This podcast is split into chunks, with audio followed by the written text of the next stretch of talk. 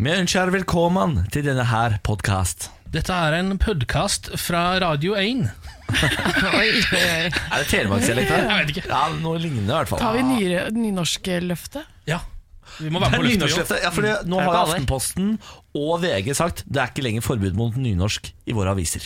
Wow. Oh, men har du sett en sak på på nynorsk i VG Ja, ennå? De har skrevet bare noen få av dem, men eh, grunnen til at det nå har blitt frislipp, er fordi de ikke fikk noen hat-e-poster som de trodde de kom til å få. Det er så bra Så- at de har hatt så mye fordommer om det Ja. at de tror de kommer til å få hat-e-poster. Så mangelen på hat har nå eh, ført til at folk som egentlig skriver på nynorsk i VG, som jo jeg tror er ganske få, de får nå lov til å skrive på nynorsk. Ja, fordi Det er ikke det at jeg ikke liker å lese på nynorsk. Problemet er jo at jeg ikke har lyst til å bli tvunget til å skrive det sjøl. Nei, jeg hater å lese på nynorsk. Altså, det er det verste jeg veit. Ja. Hvis en artikkel er på nynorsk, så hopper jeg over den. Ja, det eneste jeg, jeg syns er så dumt at det skal være sant. sånn. For jeg var jo fritatt for nynorsk, eh, jeg har vært det hele livet egentlig, fordi Ja. mamma snakker engelsk. Men likevel så forstår jeg jo det. Men det er sånn samme som en bok. Jeg skulle kjøpe meg en bok her om dagen, fantes bare på nynorsk. Ja, det gidder. går det ikke. Det, er, altså, det, tar, det, det krever dobbelt av meg å lese nynorsk, og det gidder jeg faen ikke i det. Men du klarer jo å lese svensk hvis det er en sak på svensk eller Ja, dansk. det liker jeg. Jeg liker det. Ja, Ja, dansk er jo som bokmål. så Ja, mange men det er jo svenske mer, det er jo mer, er mer annerledes det enn nynorsk. Nei, ikke for meg. Nei, ikke skriftlig. Ta vare på nasjonalskatten nynorsk. Ja. Ja, eller bare nasjonalplagen, eventuelt. Det er den nyeste norsken vi har. Ja. Nei. Jo. Ivar Aasen, Ivar Aasen, Ivar, Ivar Aasen! Ok, da er det podkaststemning. Vær så god. Dette er morgen på Radio 1. Fin caps i dag, Ken. Annerledes type. Ja, dette er vel eh, den såkalte New Era-stilen, altså den rette bremmen, Ja. eh, som jeg mener at ikke kler mitt fjes spesielt godt, så jeg går ikke med det spesielt ofte. Eh, I dag har jeg valgt å ta det på. Ja, Vil du, ha, vil du ha dommen på om det Ja, kler fjeset eller ikke? kjør nå. Skal jeg være ærlig? Mm. Det kler ikke fjeset. Nei. Jeg syns det kledde det, men du, klarer du liksom å trykke den litt lenger ned, eller er den Om jeg klarer å trøkke Trykke capsen lenger nedover det svære liksom. huet mitt, Samantha? Ja da, eh, det, det er jo bare- være mulig å få til det. Skal vi se her nå. Det er jo bare å kjøpe en litt større caps. Nei, altså den er, den er stor nok, den. er Der, ja! Nå satt den. var det, fint. Det var bedre. Nå kler Hvis du den. ikke det gjør vondt, da. Nå ser Liksom. du ut som han ene i Limp Bizkit. Ja, det er jo akkurat det jeg vil. Men du, jeg er uenig med dommen til Niklas. Jeg syns faktisk du kledde det. Ja, men nå, eh, nå, har du, nå kler du den jo. Du bare hadde den feil. Ja, så jeg hadde hatt den litt for slapt på hodet, mener du? Ja. Men det er litt kjipt å ha litt sånn stort hode, for kjæresten min Emil han har såpass stort hode eh, altså sånn, Ikke nødvendigvis sånn, hva vil man si, i bredden, men sånn bakover. Er den så stor at ingen eh, capser eller hjelmer Sånn passer. alien face. Ja, ja, sånn hode, ja. Bak, liksom. Yes. Han er perfekt på veldig mange måter. Men han har litt for stort bakhode. Ja, men altså, det er helt sinnssykt hvor eh, det er nesten ingen capser som eh, funker. Han må ha sånn XXXXL. Og sier du det? Jøss, rart. Mm. Så det er ikke bare deg, det er ingenting i, for, i forhold. Ja, jeg, jeg vet ikke om jeg, mitt hode er så stort bakover. Eh, Nei. Det tror jeg kanskje ikke det er. Du må jo ha et ganske bra hattehode eh, i størrelse, siden du har såpass mange hatter, tenker jeg. Ja, Du er jo den jeg kjenner med flest hodeplagg, tror jeg. ja, det stemmer nok. Ja. Fordi eh, i løpet av de månedene vi har jobbet sammen nå, som er eh, hva da, to måneder eller noe sånt, snart, Ja, det blir det. så eh, har du hatt ny hatt nesten hver dag. Jeg elsker det. Jeg syns Ja. hatt er sånn eh, Jeg vet ikke, det er sånn kult trekk. Ja, det er veldig bra trekk, men det er bare det er, du, Altså, jeg gleder meg til å komme hjem til å se dette skapet. Ja, for der har jeg et lite problem. Ja. Eh, jeg har ikke noe hattehylle. Nei. Jeg har på en måte et skap, og så har jeg pælma de opp der sammen med en masse andre greier. Jeg skulle egentlig hatt, Det skulle jeg gjerne hatt litt mer orden på. Ikke sant. Men du er ikke en av de som på en måte bruker hattehyllen på tog og fly? Sånn 'Å, jeg legger hatten min Nei, der', som en sånn det- kul madman-fyr ja, på 50-tallet. Det har jeg lyst til å begynne med, faktisk. Ja. Det gjør jeg veldig sjelden. Jeg, Sjelden jeg faktisk går med, med altså, akkurat hatt på fly. Ja, hatt, ja. Eh, Men caps går jeg ofte med da. Men hvis Ja. jeg hadde gått med hatt, så hadde jeg nok gjort det. For det er litt vanskelig å for eksempel lene seg tilbake og, og ta et uh, par drag av, eh, av søvnmaska hvis man har på seg en svær hatt. Ja, men det som er så fint med caps, det jeg liker mest med caps Jeg, jeg, har, jeg er ikke en hattebruker, men caps kan jeg bruke eh, fra Mm. tid til annen. Og det er hvis du ser noen du ikke har lyst til å hilse på, så er det bare å se liksom bitte litt ned. Ja. Så er de ute av Og de ser meg synsfeltet ikke pga. bremmen, tenker de da. det er jo ja, brem der, det er derfor de ikke ser meg. Ja, ja, ja, det er akkurat det. Solskjermen som eh, Solskjermen, ja. på en måte ja, tar av for øyekontakten. Ja, nettopp. Ja, det kan være litt deilig, det. Har du noen gang tenkt på hvor ubrukelig caps er som solskjerming? Ja, Det funker ikke i det Det hele tatt. altså det, For øynene, da, hvis man drar den litt ned. ja, Da skal du liksom ha den he, altså helt ned på nesa. Da blir man Ja. blind. Da kan man like å ta noe og trekke det over huet. På Fordi en man, måte. man Det tenker har jeg sånn faktisk aldri tenkt på. Nei, det er helt ubrukelig. så- Fordi solskjermingen, den er eh, Den f- eksisterer ikke. Nei, så det er egentlig bare for å være kul. Ja, det er, Ja. det er bare pynt. Ja. Samme som jeg, jeg bruker klokke kun for pynt. Jeg har nå brukt så lite klokke at jeg sliter med å kunne den analoge klokka. Hva sa du nå? Jeg må tenke Hva sa du nå? Når jeg tar opp armbåndsuret mitt, så må jeg tenke meg om.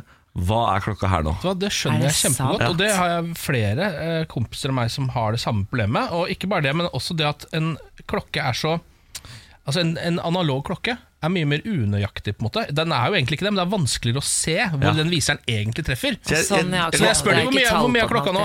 Nei, det er sånn enten fem på seks eller seks, eller kanskje fem over seks, sier de. Er det, sånn, det holder har- ikke, du må si akkurat hva den er. Man har en sånn fem minutter fram foran og bak eh, slingringsmonn på analog klokke. Og da mister jo klokke hele funksjonen sin for min Ja. del. Det er Har vi blitt så slappe, på en måte? Ja, så slappe har vi blitt.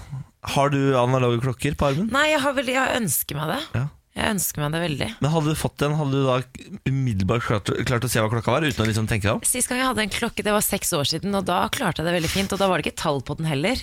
Uh, nå er jeg veldig glad i uret. Åh, altså, Ja. på hun altså. Men det var så lenge siden, så nå kan det faktisk være at jeg hadde hatt litt trøbbel. Du er altså så gammeldags at du trenger ikke tall på klokka di. Ja, urverket. Urverket ja, det der, Det er jo en symbol på tiden som tikker og går framover hele tiden.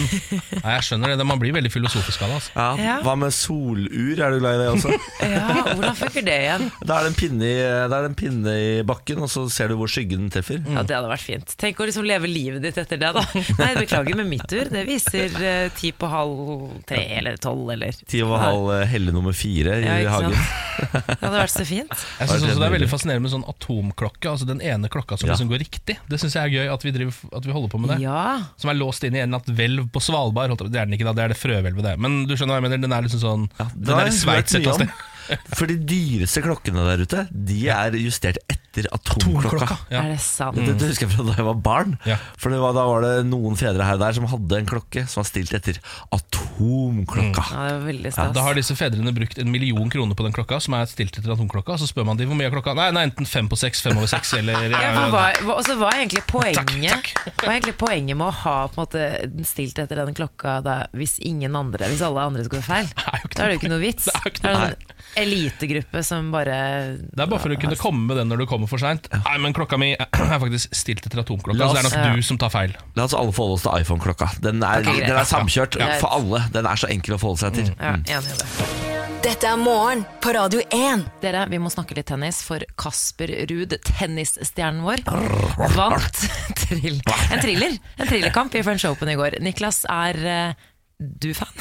Han er jo eh, blitt på rekordtid veldig kjekk. Kasper Ruud. Ja, og flink òg, da. Ja, hvor gammel er Jeg har Kasper ikke Ruud? sett- Han er 19 år Jeg, gammel. jeg har ikke sett Kasper Ruud spille en kamp, jeg har bare sett på Det Kasper var Ruud. ikke det, men det gjorde jeg. Jeg så kampen i går. Han er altså født i 1998, Ken. Ja. Som vil si at han er 19 år. og Vant den første runden i French Open i går. Det er rått. Og eh, kampen den varte faktisk i tre timer. Jeg så kanskje den siste timen, hvor han da avgjorde i femte sett mot eh, australske Jordan Thompson. Og jeg og Emil satt i sofaen og hoia. Vi kan eh, høre litt på vinnerintervjuet til Kasper eh, her. En veldig tøff match, eh, helt klart. Og det hang et tynt tråd denne gangen nå i første runden i avgjørende sett. Og... Men igjen så viste at jeg var sterkest og dro det lengste strået. og Det var ekstremt deilig, i hvert fall etter en sånn fysisk match som det. Du, eh, hvis du lukker øya her, holdt jeg på å si, så du hører ikke forskjell på han her og Magnus Carlsen. Nei, kanskje ikke. Godt poeng! Ja, to store idrettsstjerner. Det er første gang siden 2001 eh, at en nordmann går videre til andre runde i French Open. 17 år siden sist, altså. Og i samme turnering altså Kasper Ruud eh, sin far var jo Christian Ruud. Også en veldig eh, Eller i hvert fall en god tennisspiller sånn sett med norske øyne. Nå blir jeg på en måte veldig sånn norsk og litt sånn eh, lusekofte Se og Hør. Jo, men det- jeg syns det er så stas. Norge. Ja, men folk blir sånn altså, jeg, det, var jo, det her var jo øh, over hele Twitter i går, for eksempel. Så var Ja. det plutselig så var alle sånn Ja, dette er det beste settet han har noen gang har spilt, Kasper Ruud. Ja. Så folk var sånn tenniseksperter og Det. Jeg følte meg så tennisekspert. For jeg bare ser på de slagene hans. Skyter så langt og så hardt. Så bare, ja, Men det gjør de jo i tennis. Jeg elsker at det er analysen. Han slår langt og hardt. Ja, Men så sa Emil sånn, så sa han etterpå sånn her, ja, men han har faktisk fått helt sjukt eh, kraftig slag. Jeg bare eh, ja, nailed it. Men uansett, han spiller altså en ny kamp i morgen mot en som er ranket som nummer 30 i verden. Er det Federer? Eh, ja, Federer er ikke nummer 30 i Typ verden. best i verden. Eh, Albert Ramos Vino- Viniolas eh, ranket som nummer 30 i verden. Det er ganske sjukt. Han er 30 år, så han er ganske mye eldre enn Kasper også. Vi krysser fingrene og skal selvfølgelig følge med på lekkerbisken Kasper ut. Lykke til da, Kasper. Ja, liten sensasjon der. Det har vært ålreit, det. Jeg har bestilt meg ferietur. Nei, gi deg du, da. Eh, liten applaus for det, eller? Er? Takk for det. Takk for. Og den går da i år til Karskais, eh, som ligger eh, litt utenfor Lisboa. Eh, I Portugal. Oi, kult! Ja, Det er et ganske rått sted. Jeg har vært der så vidt en gang før. Um, det var liksom en sånn fiskelandsby, egentlig. En sånn fattig sted. Var du der i dreads-perioden din? Nei, jeg var der litt etter det. Ja, det var synd. Det var veldig Ja, det var veldig For det høres ut som et dreads-sted. Det er litt Dreads-aktig der, Ja. fordi eh, de har, de har liksom ikke Det er ikke trafikk i gatene, de har bare Segways. Ikke sant, For det er så lite. og så er Det sånn eh, Det som skjedde med den byen, var at det var liksom helt sånn vanlig liten eh, fattig fiskelandsby. Og så eh, kom um, kongen av Portugal forbi der en eller annen gang for mange herrens år siden eh, i det store skipet sitt, og så så han Hva er dette for et vakkert lite sted? Jeg befaler, her skal jeg bade. Så kjørte de inn til kai og bada, og så uh, syntes han det var så fint der at han bygde svært slott der. Oi. Og nå har det blitt en sånn slags blanding av en sånn fiskelandsby og eh, veldig porst og rart sånn Disney-aktig sted, med sånne rosa, store herregårder. Altså, kan Yes. møter fiskelandsby. Ja, på en måte. Kult. Yes. Eh, og det er, så det er skikkelig hyggelig sted. Jeg gleder meg veldig til å dra dit. Det viste seg, eh, da jeg snakka med han kompisen min som har booka dette, vi er tre stykker som skal dra dit. Eh, og vi har da satt Tommy, uh, som er en eiendomsmegler, som vi har satt, uh, satt på å fikse en fin leilighet til oss. da Og det tenkte vi, Han kan dette med leilighet og hus, så han burde ta denne jobben. um, og så uh, syns, tenkte jeg sånn, når jeg fikk regningen, så tenkte jeg sånn Det var jo litt dyrt, det er greit, liksom. Jeg, har, det er ikke noe sånn at jeg, altså, jeg kan godt betale for det, men jeg synes, jeg tenkte at det var litt dyrt. Jeg turte ikke å si det til de andre, da sånn tilfelle jeg skulle framstå som gjerrigknark, men uh, jeg syns det virka litt dyrt. Og så viser det seg at han har altså bestilt, bestilt et eh, hus med ni soverom til oss tre. Herregud. Han er så lei, han Det er er så sånn lei av entourage-stil, det ja, der. men han er så lei av arealeffektive leiligheter, vet du. Han som Ja. er eh, megler, som nå har gønna på. Plass til å boltre seg. Slenge håret sitt og bare være kar. Så nå har vi tre soverom hver eh, når vi stikker dit. Må du vet du hva du er, Ken? Du er trendy, fordi Portugal er så trendy nå. Ferdig med Frankrike, ferdig med Spania. Nå er det Portugal som gjelder, har jeg hørt. Hør på deg da, Ken. Her.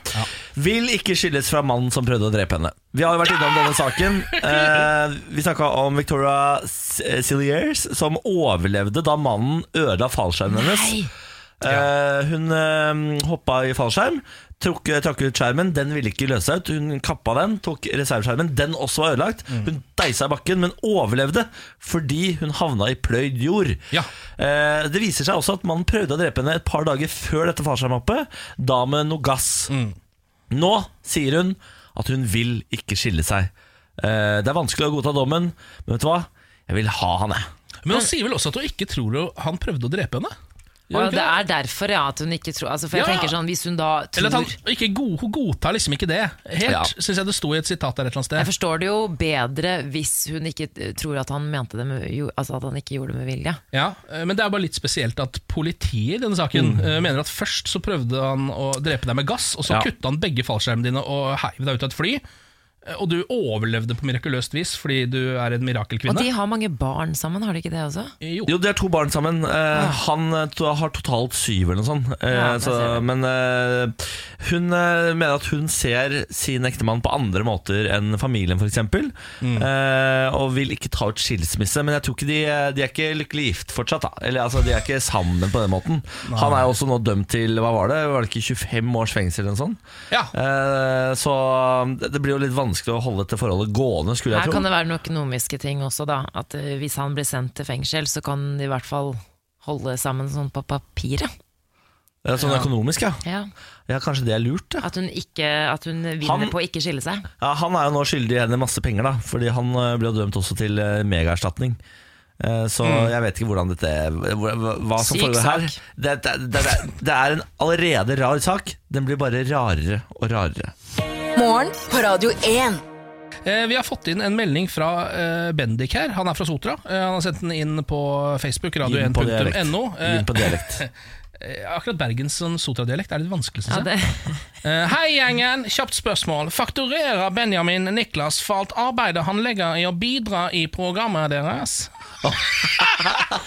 Beklager. Jeg syns det var bra. Det var Og så litt, litt nasal. Du la deg litt nasalt også. Jeg lagde en karakter også der. jeg. Veldig fint. Jeg synes det var veldig fint jeg. Ja. Om Benjamin fakturerer meg for alt han bidrar med Altså sånn fordi, han, eh, fordi jeg tar alt, hele livet vårt inn i dette programmet Ja, Det er jo din kjæreste Benjamin, som jo du og for det første ofte snakker om her. Ja. Det er jo naturlig, men han er jo ofte også innom her med stemmen sin eh, og kommer med noen problemer. Ja, i parterapispalten Ja, hvor mm. eh, jeg nettopp eh, Nei, det gjør han gratis Eller det vil si, jeg er ikke villig til å betale for at han lufter vårt privatliv på radio Nei, det er ikke det, nei. Nei, det er ikke Nei. Så det, nei, det gjør han gratis, ja Spørsmålet er nei. Han får ingen penger for Sva- dette. Svaret er nei mm. på spørsmålet Ja, spørsmålet var ikke nei, nei. Det blir litt rart, da. Dere, eh, jeg er den av oss tre som er mest opptatt av noe som er veldig gøy. Eh, noe overfladisk og litt flåsete, men veldig gøy og viktig, nemlig sladder. Ja. Ja, Og jeg eh, mener at det er min plikt å holde dere, Ken og Niklas, men også deg der ute, oppdaterte på ukens viktigste sladder. Hva heter sjefen i Team CR? Steve Harvey eller noe sånt? Ja, ja. ja det tror jeg. Levin? Ja, jeg tror han, Ja. Du er i hvert fall han i Det- ja, denne redaksjonen Jeg tror ikke det er. Steve Harvey, for Steve Harvey var han komikeren som dreit seg ut på den der missekåringa. Å ja, det. Ja, det er en helt annen fyr. Leven. Tror jeg kanskje er Steve Ja, Levin ja, ja. ja. Dette vet er Morten. Hegseth hvis han hører på Ja, jeg vil eh, gjerne begynne med et nytt eh, stjernepar. Det er ikke uvanlig at eh, kjendiser finner kjærligheten med andre kjendiser. Vi skal inn i musikkens verden. Romansespekulasjonene mellom rapperduoen Nicki Minaj og Eminem har fått internett til å Nei, nei, det er koke. helt konge, da! Helt sant. Det ble for mye for Ken der Ifølge People var det Minaj som eh, kastet vann på mølla da hun fikk følgende spørsmål i kommentarfeltet på Instagram om hun dater Eminem, og hun svarte et simpelt ja tilbake. Nei, må du gi Det deg er sant. Spekulasjonene skapte deretter ytterligere oppstyr da Eminem poppet innom samme kommentarfelt med følgende bemerkning Girl, you know it's true. Vet ikke om kjendisene kødder med fansen eller ei, eh, det vet vi ikke, men et pent par, det er I call bluff Ja, ja Kan bluff. hende det er noe greier, men samtidig jeg ville passa meg hvis det, er, hvis det er sant, så ville jeg passa meg litt hvis jeg var Nicki Minaj. eh, For man vet jo hvordan Eminem behandler sine ekskjærester uh, i musikken sin. Ja, Ja, han dreper jo alle ekskjærestene sine. Det er jo det han driver med. i Låtene hans handler om "I kill, I kill, kill, kill. Ja, eller det han har opplevd som barn, da, Ken. At han Ja. liksom gjenspeiler det. Og hun eksen til Eminem, Kim, hun Ja. var litt gæren, hun òg, altså. Men du mener at Nicki Minaj ikke er litt gæren? ja Nicki Minaj er jo er fullstendig koko. Er Veldig gøy. helt koko. Vi skal eh, hjemover til litt mer landlige, men langt fra rolige omgivelser, nemlig Farmen kjendis. Deltakerne er klare. Det er vel sesong tre? Er det ikke det? Som står for tur? Det. To Paradise-deltakere, en kokk og flere glemte kjendiser. Nok en kjendisversjon av Farmen er i vente. Og den tredje sesongen på Li gård i Tangen i Stange kommune, den er faktisk i gang.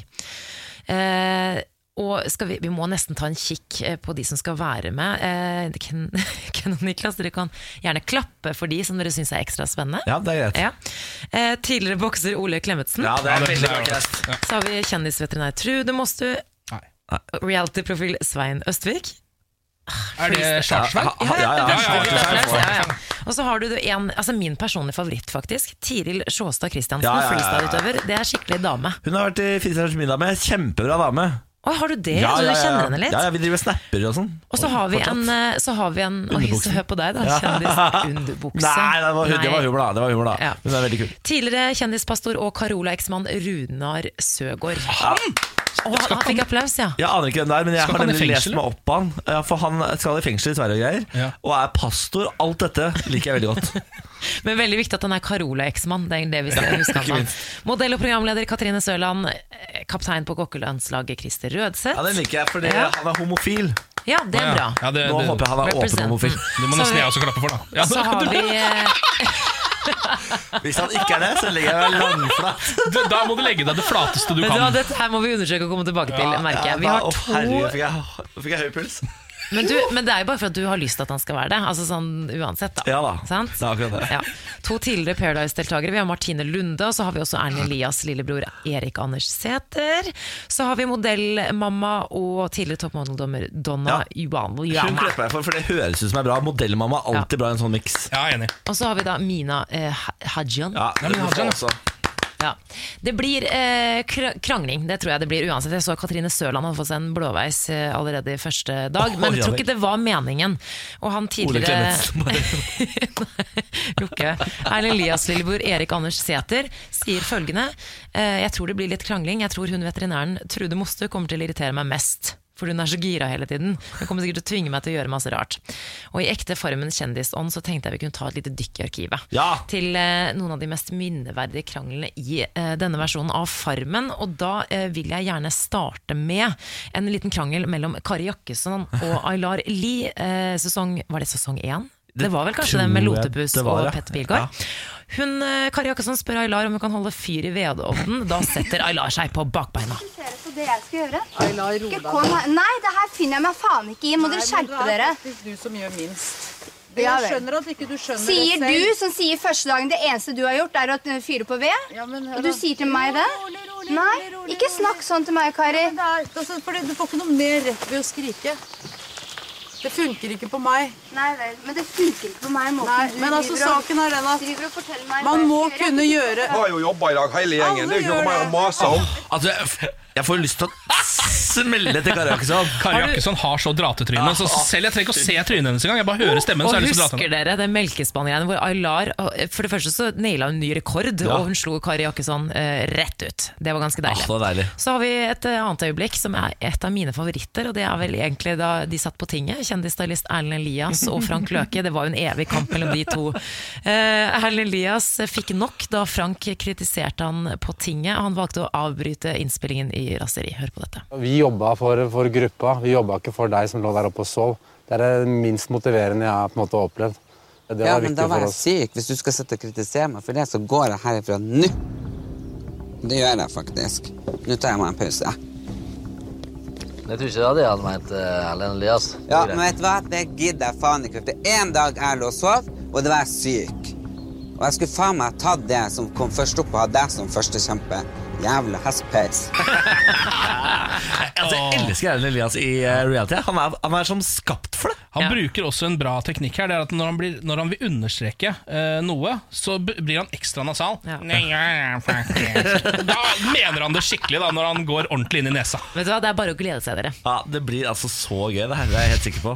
Morgen på Radio 1. Hverdager fra sex. Jeg ble invitert med ut på eh, telttur her om dagen. Ja. tenkte jeg det hørtes gøy ut. Jeg blir, jeg, og så sa jeg ja, jeg blir med. Eh, og så viste det seg at vi skal reise samme dag. Så jeg, ja, ja, men det ordner, ordner seg vel. Eh, og så kom jeg på jeg har jo altså ingenting. altså Jeg har verken telt, jeg har ikke eh, tursko som passer, jeg har ikke sovepose. Jeg har ingenting som gjør at jeg er klar for å bo ute i naturen. Eh, og så lurer jeg på hvor, eh, For det første eh, er jeg, er, Hvor vanlig er det å ha så lite utstyr? Eh, er dette dette som kommer til å felle meg når zombiene kommer? Og eh, må jeg ta meg sammen som nordmann? ja, det var tre kjappe spørsmål der, ja. Ja, Jeg har heller ikke telt. Jeg har? Nei, men jeg har sovepose, har sovepose? og jeg har friluftssko. Men hva gjør du med sove... Hvorfor har du sovepose? Det vet jeg ikke. Det har jeg bare hatt siden jeg var på Roskilde-festivalen sikkert i 1999. nettopp, ja. Så har den bare ligget Ja, der. og så følte jeg at det var litt mer normalt I hvert fall før, sånn hvis man dro på hyttetur Så bare ja, ta med deg en sovepose Selv Ja. om man ikke Ja. sover ute, så sover man gjerne i sovepose Ja. Det endte med at jeg ikke dro på telttur, bare så det er sagt, fordi de skulle dra den samme dagen. Og det var ikke kjangs for meg å drive og kjøpe alt jeg trengte den dagen. Det gadd jeg ikke. Men det koster faktisk ganske mye for sånn friluftsutstyr. Eh, Nå har eh, jeg har, er sammen med en som er veldig glad i å telte, så nå har vi kjøpt oss telt. Og jeg var jo med på 71 grader nord for to år siden, og da fikk jeg altså så mye bra utstyr. Men jeg hadde aldri hatt råd til det hvis ikke jeg hadde vært med der. Nei, nettopp. Ja. Så, det, så det er rett og slett restelageret fra 71 nå Ja, som gjør at du er klar for uh, telttur? Men hvor normalt det er å ikke ha det jeg, Når jeg har vært uh, ute med venninnene mine, og sånn, så er det alltid noen som må låne av, av noen. Så du skal Ja. ikke føle deg ubrukelig bare for at du ikke har det. Nei, jeg, okay, Så jeg er ikke en dårlig nordmann som ikke er klar til å telte litt om ute i eh, marka? Nei, på ingen Og- måte. det var godt å høre. jeg ble litt bekymra for min egen del. Ja, det skjønner jeg. Du kan eh, låne av meg, Niklas. Eh, et lite, eh, jeg har lyst til å ta et litt sånn kynisk tankeeksperiment nå. Okay. Dette, dette er egentlig noe som Dette kommer av et spørsmål som mamma pleide å stille oss da vi var eh, små. Sånn, hvis du kunne invitert til, et sånt, eh, til, en, eh, til en middagsselskap hjemme hos deg, og kunne invitert hvem enn du ville, typ av kjendiser og sånne type ting, Ja. hvem ville du invitert? Og derfor er mitt spørsmål eh, du, vet du hva, Kan vi ta en tur inn i tenketanken? Absolutt. Tenketanken. Velkommen inn i Tenketanken. Dette er stedet som er dekket av hvite, deilige, myke puter, sånn at du kan eh, tankemessig kaste deg fra vegg til vegg uten å få en eneste skramme. Her inne må du snakke med din mykeste, deiligste stemme. Du må ha på deg pysj eller onepiece. Og alle spørsmål er velkommen. Vær så god, Samantha. tusen takk. Eh, ikke minst, du må også være ærlig. Du må svare ærlig. Ja, nettopp. Ja. Hvis eh, du kunne blitt bestevenn med en kjendis, hvem ville du blitt bestevenn med, og hvorfor? Eh, levende, eller kan det være døde? De kan også være døde, ja. De kan være døde, ja. Men da måtte du på en måte ha vært i den tiden. Hvorfor, du, hvorfor ville du på en måte vært For jeg har tenkt litt sånn jeg, min, min første tanke, i hvert fall i lys av på en måte kongelig bryllup og sånn Fordi jeg er fortsatt ganske bitter for at jeg ikke blir invitert, selv om det er helt usannsynlig. Ja. Eh, Så ville jeg vært eh, bestevenn til Meghan Markle, sånn at jeg kunne blitt invitert til det bryllupet. ja. Og sånn i senere tid kommet på High Noon Tea. Eh, til også, også kanskje på en måte få møtt dronningen, få dratt på ferier med Harry og gjengen, og så giftet meg inn i den kretsen der. Giftet meg inn i den kretsen der. Ja, ikke sant? Men tror du altså, Nå har jeg, se, har jeg jo sett litt på The Crown, som er egentlig det eneste jeg vet om de britiske kongelige. Uh, føler jeg det liksom innblikket mitt i den. En veldig bra serie på Netflix for øvrig. Ja, den er Veldig veldig bra. Um, og jeg syns jo det virker som de er ganske kjedelige folk. Altså, jeg tror ikke det hadde vært så spennende Ja, å være i den verden. Prins William han virker som verdens kjedeligste Ja, mann. det gjør det. Kjenner du meg, Ken? Eh, Jeg, er jo, jeg liker jo å se på Agatha Christie. Ja, hun vil sitte i Det- fine kjoler og drikke te og spise biscuits. Ja, det er sant. Det gjør jo de også. Jeg tror jeg hadde gått for Skal vi se, da? Dan Bilzerian tror jeg hadde gått for. Altså bikini-instagram-kongen. Han som uh, har arvet milliarder av kroner, og som bruker det på bare moro. Ja. Han, han altså- gjør ikke noe annet enn å feste, drikke, uh, ligge og reise verden rundt. Ja. Det er det eneste han gjør Hvis du ikke i har sett Instagram-kontoen hans, så må du gå inn på Instagram og søke opp Dan Bilzerian. Ja, han, eh, han, har ikke gjort en, han har ikke gjort en døyt for pengene sine, han har bare arva alt. Ja. Han er så steinrik. Han bor i Hollywood Hills, har privat jet, reiser til Bora Bora med de flotteste modellene i verden.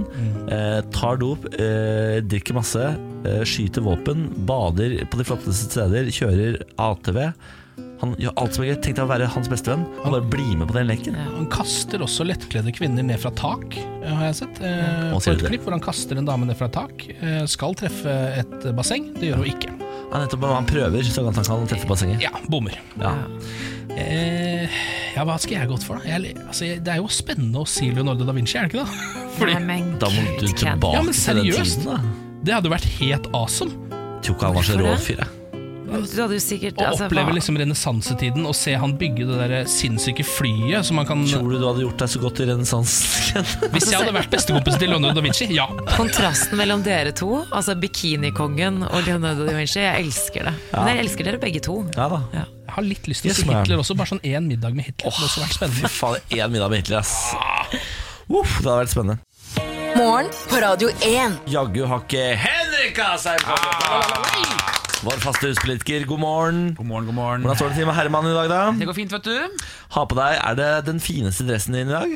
Ja, det, Sort dress er jo det fineste man har hvis ikke det. man skal gå i smoking. Og det hadde vært litt teit. Har den, den høyre pinnen hengende på uh, hele tiden, eller tar du den av og på? Jeg tar den av og på, Ja, ok. men jeg har kommet på vorspiel med den på en gang. Ja, ikke for jeg hadde glemt å ta den. Ja, det Hva ser sa du. folk da? Da fikk jeg masse kjeft. For de trodde at jeg hadde gjort det med vilje, og sa det der får du faen meg holde deg på jobb. Vi veit at du er høyrepolitiker. Vi driter i det. Vi driter i det. skåre på politiske poeng her, Å nei, du. Ja da, ja da, ja da. Pensjonert engelsklærer sjokkert over skrivefeilene til Donald Trump. Eh, Dette er en lite artig sak. Er det en norsk engelsklærer som er sjokkert over eh, Donald Trump? Nei, det nei, nei, nei, nei. gøy. Ja, det kunne det vært òg. Etter eh, skoleskytingen i Parkland i Florida i februar i år, så skrev den pensjonerte læreren Yvonne Mason i Atlanta et brev til den amerikanske presidenten, hvor hun ba han om å besøke familiene til alle de 17 som ble drept og i begynnelsen av mai så kom altså svaret fra Det hvite hus, noe som er veldig hyggelig for øvrig at de svarer. Men brevet, som var signert av president Donald Trump, hadde så mange feil at hun måtte ta frem rettepennen, står det her. Nylig så sendte hun faktisk brevet med korrigeringer tilbake til Det hvite hus. Og la ut resultatet på Facebook. Og hun sier følgende Jeg har aldri noensinne fått et brev med så mange dumme skrivefeil. Og hun reagerer bl.a. på gjentakelser, feil bruk av stor bokstav og uklart språk osv. Så, videre. så sier hun at hun tviler på at Donald Trump har skrevet det. Eh, Men uansett, det kommer jo fra Det hvite hus. Litt dårlig. Ja, jeg, eh, det er her sånne ting som jeg ikke klarer å bli opprørt over. For det her er jo da åpenbart en eh, fyr som har veldig lavstatusjobb i Det hvite hus, som skal svare på galskapbrev. Og det er sånn Ja, men er det galskapbrev? Ja, ja, det er sånn, Vi skal svare på alle ting som kommer inn. En, en pensjonert engelsklærer som beordrer presidenten til å besøke familier til en terror... Altså, hva, hva, For det første, hva har hun med det å gjøre? Og for det andre, hvorfor forventer hun svar? Og for det tredje, ikke klag når du endelig får svar fra Det hvite Jeg elsker det! Jeg elsker Men gir altså, ikke også kar Hun gir karakter òg, Ja, ja, hun bare, da hadde vi fått en, sånn, en svak C, som ikke er sånn aller verst. Da. Nei. Men jeg hyller sånne mennesker som prøver å gjøre, liksom, gjøre andre folk bedre, inkludert presidenten. Men Kanskje det er jo ikke sånn du gjør andre folk bedre. Altså hvis, Jo. fordi, okay, for jeg er veldig enig med Niklas altså Det er jo åpenbart ikke Donald Trump som har skrevet det Nei, det brevet. skjønner Det, er en veldig overarbeida sånn trainee. Ja. Som har bare, som, dette er brev nummer 7000 han svarer på den dagen.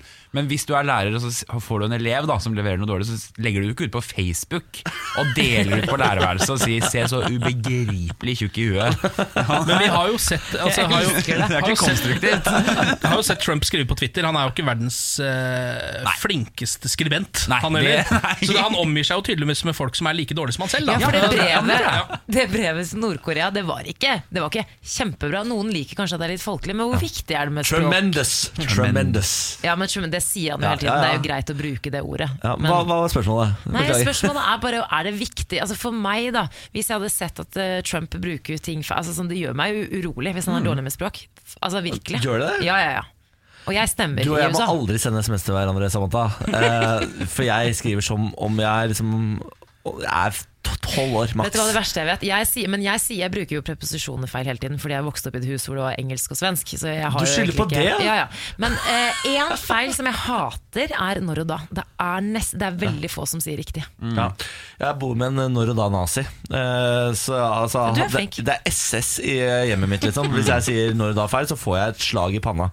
Eh, så det har jeg blitt veldig mye bedre på enn jeg var. Men fortsatt så tar jeg feil der, altså. Veldig mange politikere eh, sier når jeg var liten Ja, ja, ja. Det er fort gjort, ass. Ekstremt mange Men jeg Det er syns, det, jeg syns faktisk i dagligtale synes jeg det er helt greit. At man kan Ja. si hva man vil, men skriv riktig, da, for all del. Men du er jo politiker, Henrik, og har skrevet masse offentlige ting. Og sikkert skrevet feil masse, offentlige ting masse. også. Ja, da. Eh, hvor, eh, hvor ivrig er eh, pensjonerte lærere i Norge?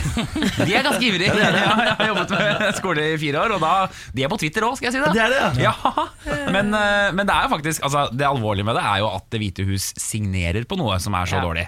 Altså, Jeg har jo ikke for å skryte, men jeg har jo vært kunnskapsministervikar i ti uker. Ja, da, det jeg vil gjerne minne om det. Jeg vil gjerne minne om det ja, da. Men faktisk når departementet, og det er jo liksom embetsverk og sånn, men når de skal sende noe offisielt fra et departement, det sjekkes, altså. Og det Ja. leses korrektur på alt. Men dere Så- svarer vel ikke på alle brev som kommer inn til dere, eller? Nei, det Nei. gjør man vel ikke. Så hvis Det hvite hus gjør det, da skjønner man jo at de ikke har tid til å kjøre liksom hele embetsverket gjennom et ett brev. Ja, altså det man gjør man, altså Alle får svar, da, men det er ofte sånn eh, Vi har mottatt din henvendelse, og takk for det. Ja. Og, det- så det er godkjent svar, ja? Ja, da, ja, ja, altså Hvis ikke det er noe sånn uh, veldig alvorlig, så er det jo det. Det er liksom det svaret jeg fikk av Ryan Giggs da jeg sendte han brev uh, da jeg var liten. Du har Ryan det Giggs brev? Ja, så fikk jeg tilbake sånn Thank you, Ryan Giggs. Og så var det en sånn uh, underskrift som ikke var med penn.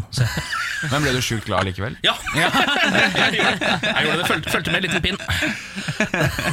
Det var er meg, vakkert. det. Det er vakkert. Det var jo, eh, denne podkasten her, Fotball, de tok jo en runde og sendte brev til alle fotballklubbene i Premier League for å se hvem som liksom Ja. faktisk svarte ordentlig. Eh, Og det var vel, jeg tror halvparten av de faktisk svarte ordentlig med ekte brev og eh, sendte effekter tilbake. Oh, ja, med personlige brev. For det, det, de da sendte det som om de var liksom en, kid med fascinasjon for fotballklubben. Ja, ikke sant? Så mye penger som det er i de klubbene der Så skulle det bare mangle Det er veldig fint Apropos! Jeg hadde egentlig tenkt å snakke om dette etterpå, men Manchester United skal få seg kvinnelag. Ja, de har fått seg kvinnelag. Ja, seg Ja Og eh, Rosenborg bør følge etter, sier fylkesordfører Toro Sandvik Ja. i eh, Sør-Trøndelag. Ja.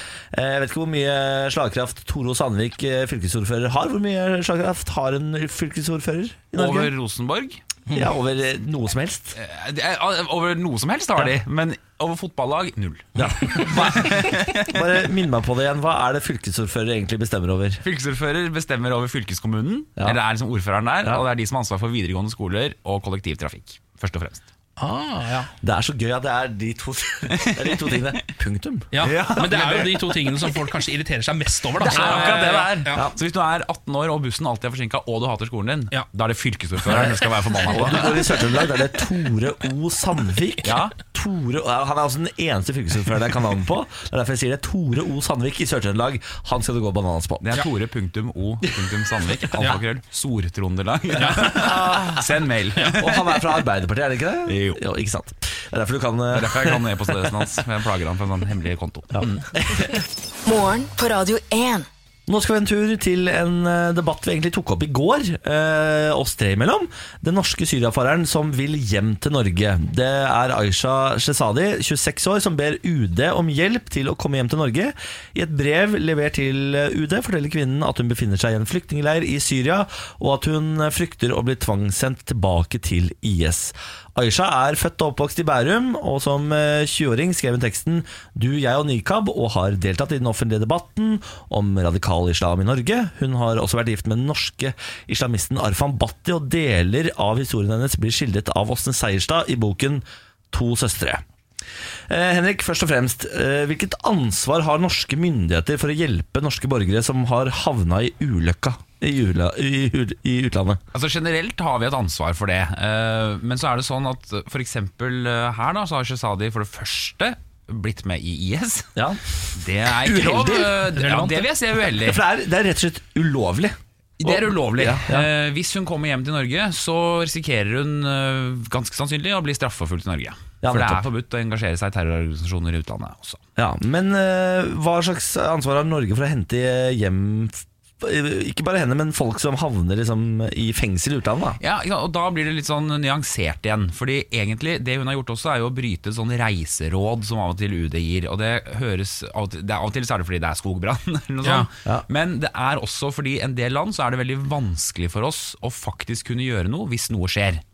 Eh, og, og Syria er et sånt land. Det er veldig vanskelig for Norge å kunne gripe inn og hente ut folk hvis de blir arrestert eller tatt, for det er et land som er i en total borgerkrig. Ja. Derfor anbefaler vi nordmenn å ikke reise dit. Når hun først trosser det og reiser dit, så er det veldig vanskelig for Norge å vite hva man skal gjøre. Hvis du tar Kongo-situasjonen, så var jo det også egentlig veldig vanskelig å gjøre noe med, for de var arrestert i det landet. Det er et land det er veldig vanskelig, det er vel reiseråd om ikke dra dit også. Men de ble behandlet på en sånn måte at det er ikke forsvarlig for Norge å akseptere. Og da går Norge inn og forsøker å løse det. Mm. Men da er hun Shezadi, nå hun befinner seg i en flyktningleir i Syria, og hun har også en, eh, et barn på to år. Mm. Endrer det situasjonen noe, eller? Altså Hun er en flyktningleir hvor hun eh, så vidt jeg har forstått, er i den delen av flyktningleiren hvor IS-tilhengerne holdes.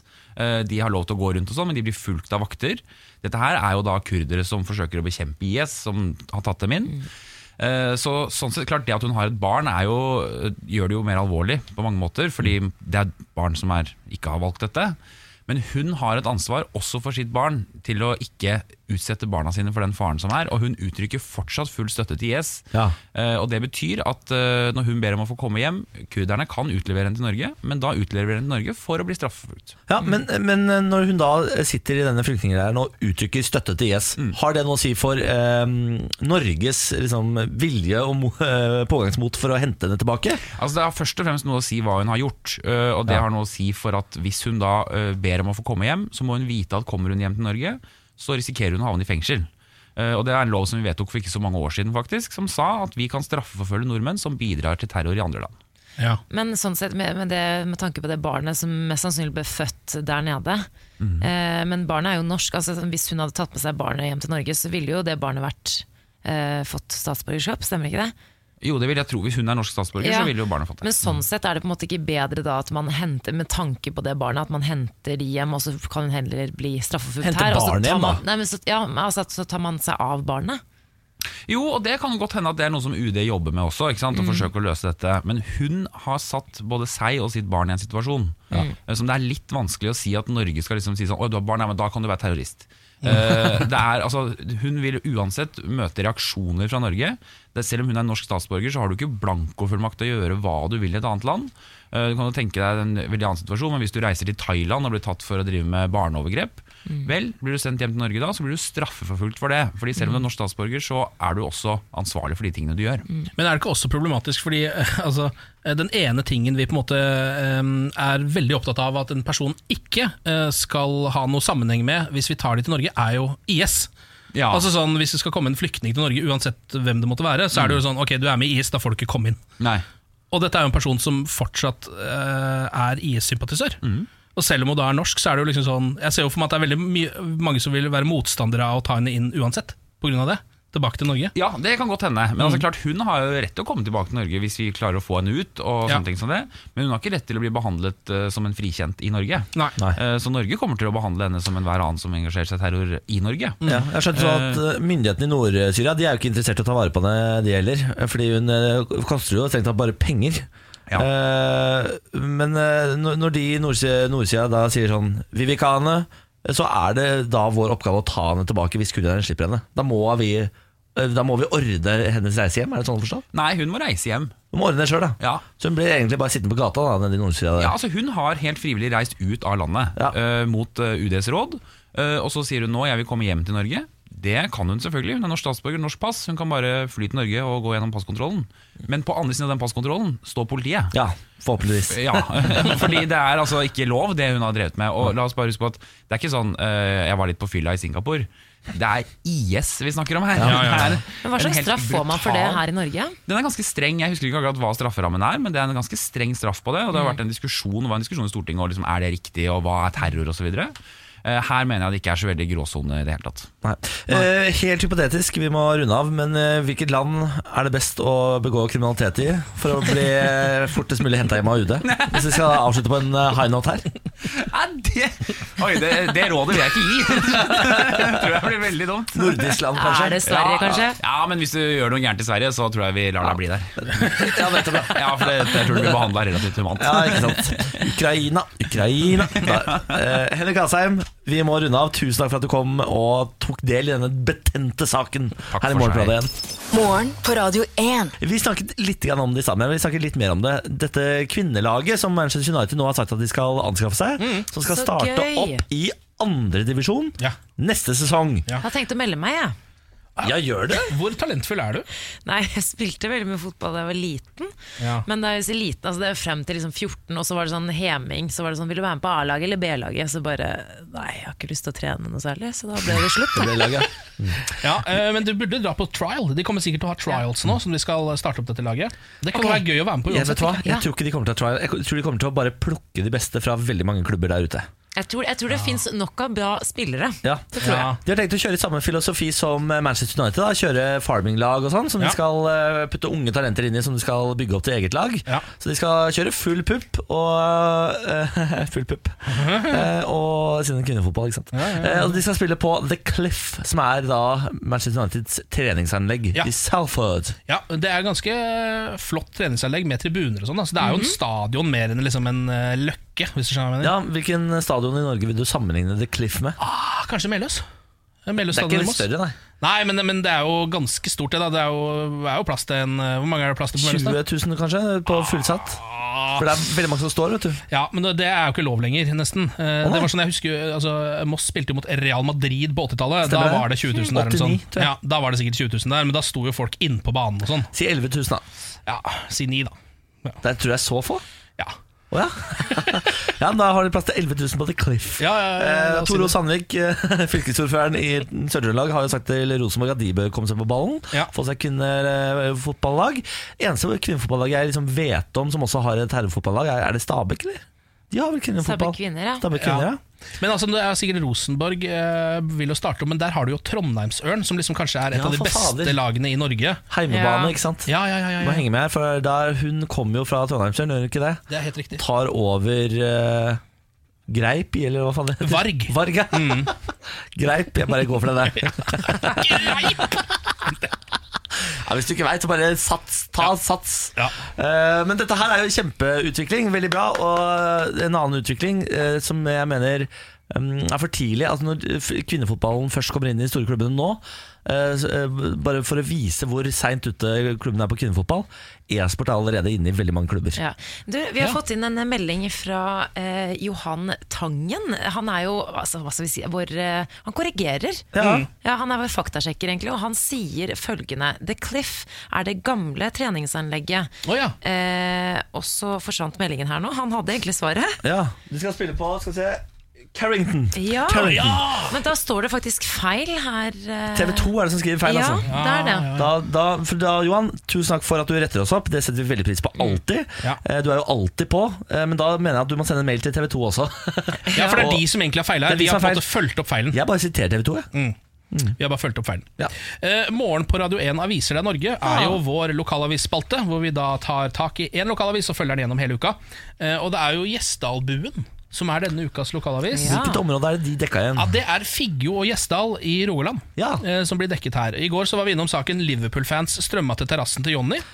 Eh, I dag har vi saken Helten Jonny. Ja, Jonny jobba der. Ja, han, gjorde det. Han satte opp storskjerm, og det var ikke måte på. Det var vel en 15-17 folk som var hos Jonny. I dag har vi saken Jan Reidar ble etterlyst av tysk TV-selskap. Ja vel. Wow. Det er veldig mye fornavnsaker, det er jeg veldig glad i. Det er lokalt. I lengre tid har den svenske journalisten Markus Petterson lett etter Jan Reidar fra Figgjo på vegne av tyske Gustav. Ja, Dette her er litt komplisert, men heng med. Petterson er svensk journalist som jobber for det tyske TV-produksjonsselskapet Endomolskine, som det heter. De produserer et program som er litt sånn som Tore på sporet. Altså at De prøver å få folk til å møtes. eh, Det er gjenforeningsprogram, rett og slett. Eh, Petterson lette da etter vennen til Gustav, eh, en tysk mann som dro til Norge for rundt 50 år siden. Da møtte han altså denne Jan Reidar fra Figgjo, eh, og han hadde lyst til å møte han en gang til.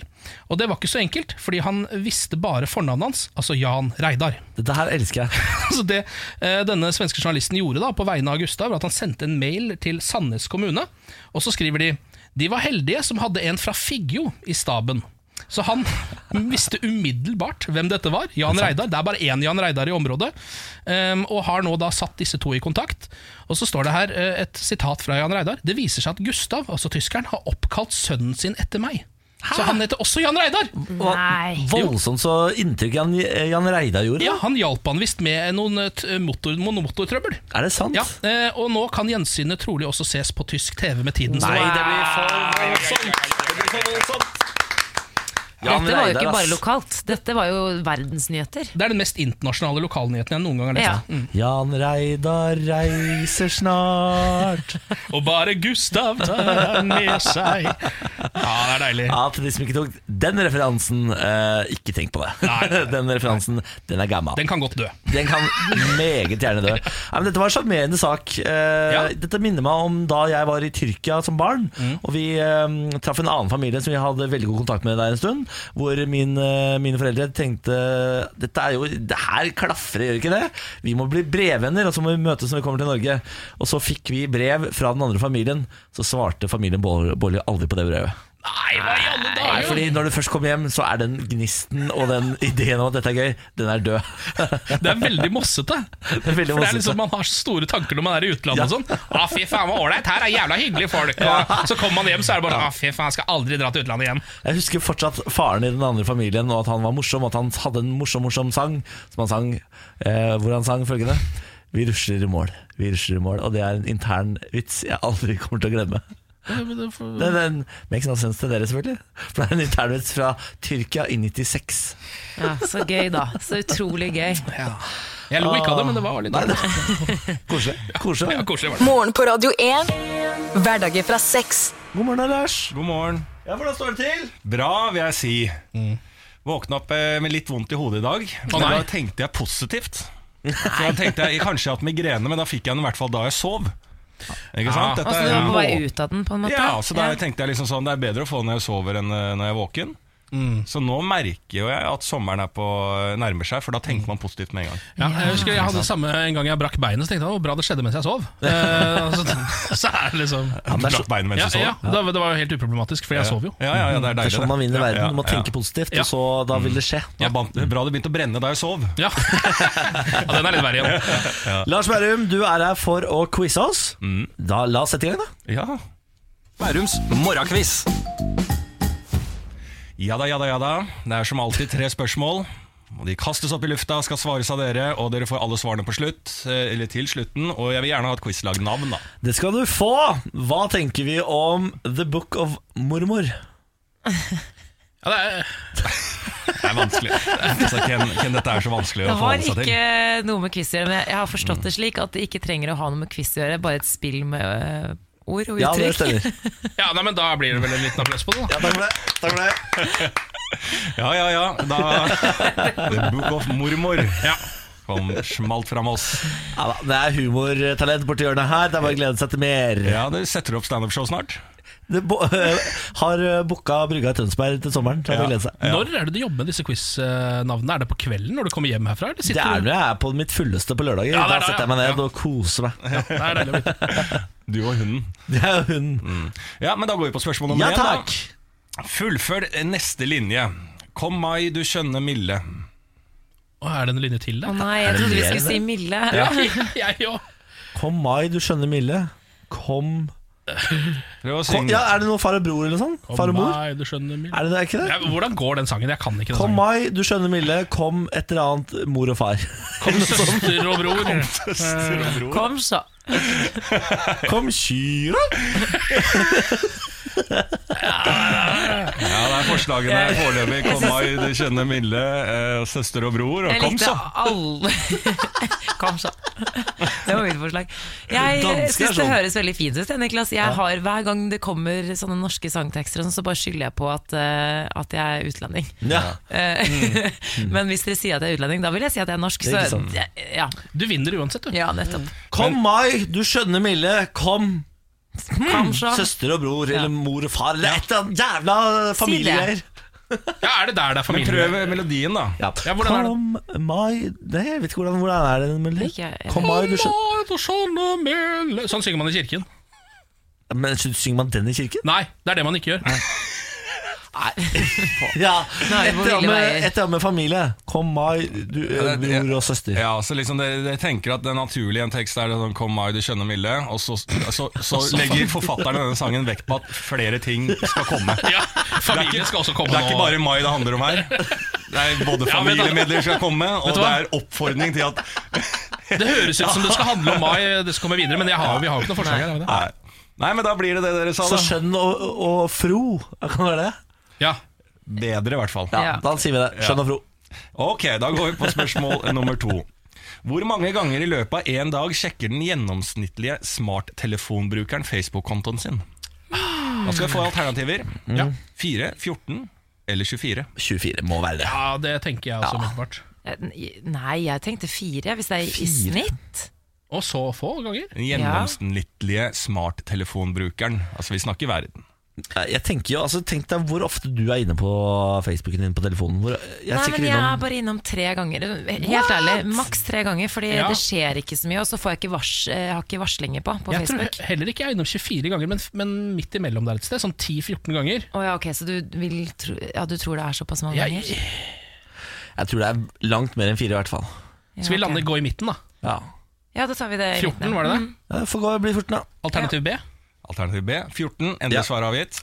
Ja! ja. The Book of Mormor svarer 14. Greit, da går vi på spørsmål nummer tre. Hvilket uttrykk brukes for å beskrive den bakerste delen av et skip? Bauen, tenker du på? Ja, eh, for Ja, er det det jeg jeg ville på? tro at bauet var foran. Ja, kanskje det. ja Skudd for bauen, ja, det er nok det. Ja. Hva er det? Akter?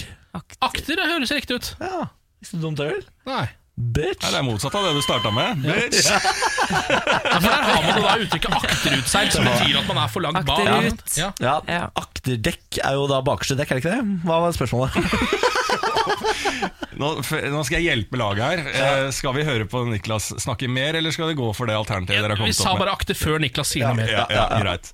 Ok, da får vi alle svarene. Eh, Spørsmål nummer én var da fullfør neste linje. Kom mai, du skjønne milde. Det er jo den Kom mai, du skjønne milde. Jeg har aldri hørt den før. Kom, Kom, søster og bror. søster og bror. Søster og bror. Jeg har aldri hørt om sangen. Og så kommer vinteren snart. Er det liksom bare, nå kommer alt. Ja, det er da Kom mai, du skjønne milde, gjør skogen atter grønn. Det var ikke så halvgærent på det vi endte på, da. Nei. Eh, Skjønn og fro. Skjønn og fro, ja. Skjønn og Fro, det var det jeg sa. Der var dere inne på noe. Men det er jo null poeng. Ja, Det er det. Følte at det kanskje var et halvt poeng der. Men Ja, men Hvis dere hadde gått rett på det, så kunne jeg kanskje gitt dere For da okay. at resonnementet lå i den, eh, i den duren der. Men det gjorde det ikke. Eh, Spørsmål nummer to. Hvor mange ganger i løpet av en dag sjekker en gjennomsnittlig smarttelefonbruker Facebook-kontoen sin? 4, 14 eller 24? 14 er riktig. Bra, bra, bra, bra. Eh, Det er jo eh, meget, men ikke så meget. Nei, det er ikke, Jeg synes det er et ikke så sunnhetstegn for eh, verden. Ja, ja. Ja. Tre. Hvilket uttrykk brukes for å beskrive den bakre delen av et skip? Akter er riktig. Bra, Niklas. Takk for det. Takk for det. Der var jeg god, Ja, altså. vi redda oss inn. Nok en gang så så det ut som vi var akterutseilt. Men så Ah, det var fin. Ja, takk. To av tre, veldig bra det. Vet du hva? Dette her var en helt strålende eh, start på min dag. Lars Berrum, vi ses atter igjen. Ja. Kom meg. Ak akter igjen. Ha! Morgen på Radio 1. Hverdager fra seks. Nå litt filmprat. Er dere klare for det, eller? Ja. Um, fordi, har dere hørt om uttrykket 'development hell'? Som er sånn filmuttrykk for noe som sitter fast liksom i eh, Skrivesperre. Ja, nei, det sitter liksom fast i produksjonsfasen uten at man kommer noen vei. Ja, vel. Det er noen filmer som sliter med dette over mange år, sånn som filmen uh, The Man Who Killed Don Quijote. Uh, en Terry Gilliam-film uh, som de begynte på på 80-tallet. Som nettopp har hatt premiere for en uke siden. Så det, er, det er sånn ja, det er 25 år med mas. da Det som har skjedd her er at Først så ble alt filmutstyret til Terry Gilliam ødelagt av en storm. Under første forsøk på 80-tallet. Så satte de i gang igjen. eh, Og så ble eh, veldig mange opptaksdager ødelagt av en F-16 som drev og fløy over filmsettet hele tiden. Og så fikk eh, hovedrolleinnehaveren skiveutglidning i ryggen. Nei, nei, nei, og kunne nei, da ikke være med lenger. Og så prøvde de igjen med en ny hovedrolleinnehaver, og det var Heath Ledger, og han døde jo. Nei. Så da måtte de også gi seg med den. Uh, og, så, uh, og så nå, rett før de liksom på en måte var helt ferdig med filmen, så fikk Terry Gilliam, regissøren, slag. Eh, men han kom seg, for det var så mildt slag, så nå har de endelig da klart å liksom få stabla denne jæskla filmen på beina. Det er ganske imponerende, for det virker som universet ikke vil at den filmen skulle bli noe. Det er akkurat det. Universet vil ikke ha denne filmen. Men Terry Gilliam han blir jo gæren av å ha denne filmen liggende sånn halvferdig inni en boks. Ikke sant? Så han har liksom nå endelig kommet seg fra slaget, fått på plass en levende hovedrolleinnehaver.